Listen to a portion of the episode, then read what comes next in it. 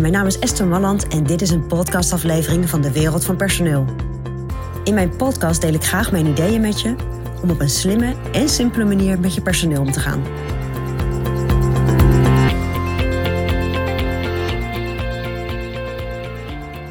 Je medewerkers en hun pensioen.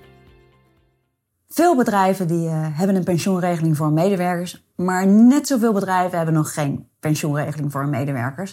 En het is maar net welke keuze je hebt en of je een keuze hebt. Nou, op het moment dat jij een pensioenregeling hebt afgesloten voor je medewerkers via een verzekeraar, en dat gebeurt veel in het MKB, dan moet je alsnog heel goed in de gaten houden of er wellicht een bedrijfstak pensioenfonds geldt. Nou, wat bedoel ik daarmee? Je hebt een bedrijf en in het bedrijf voer je activiteiten uit. En afhankelijk van de activiteiten die je uitvoert, val je onder een bepaalde CAO.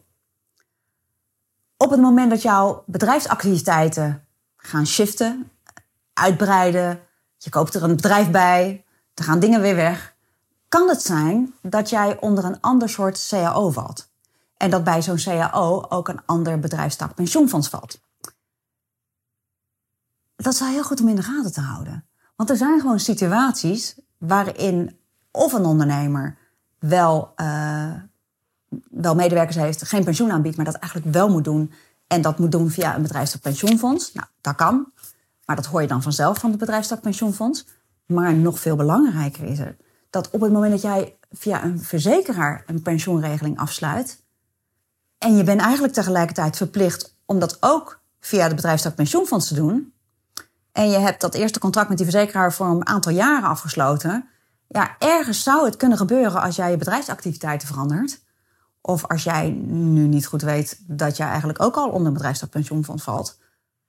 Dat je eigenlijk tegelijkertijd en dus gaat betalen voor je verzekeraar, maar eigenlijk ook al gelijk moet af gaan dragen aan dat bedrijfstak pensioenfonds. Ja, en dat zijn situaties die voorkomen en waar ondernemers ongelooflijke pijn in hun buik van krijgen, want dan heb je dubbele pensioenkosten. En pensioenkosten zijn geen lage kosten. Als je een pensioenregeling hebt, dan hoef ik jou dat niet te vertellen.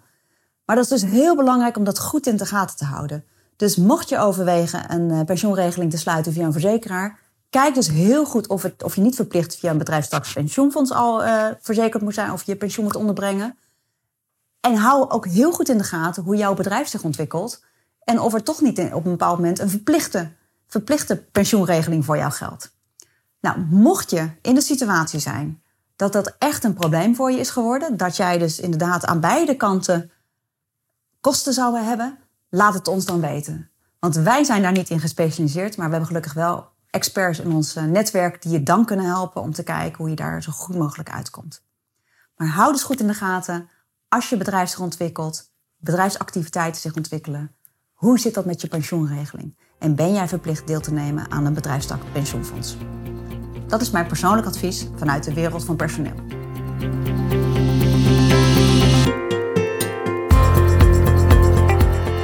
Ontwikkelingen in de wereld van personeel blijven volgen? Abonneer je dan op ons podcastkanaal. Ook op onze website vind je allerlei slimme ideeën en adviezen. Dus kijk even rond op www.dewereldvanpersoneel.nl.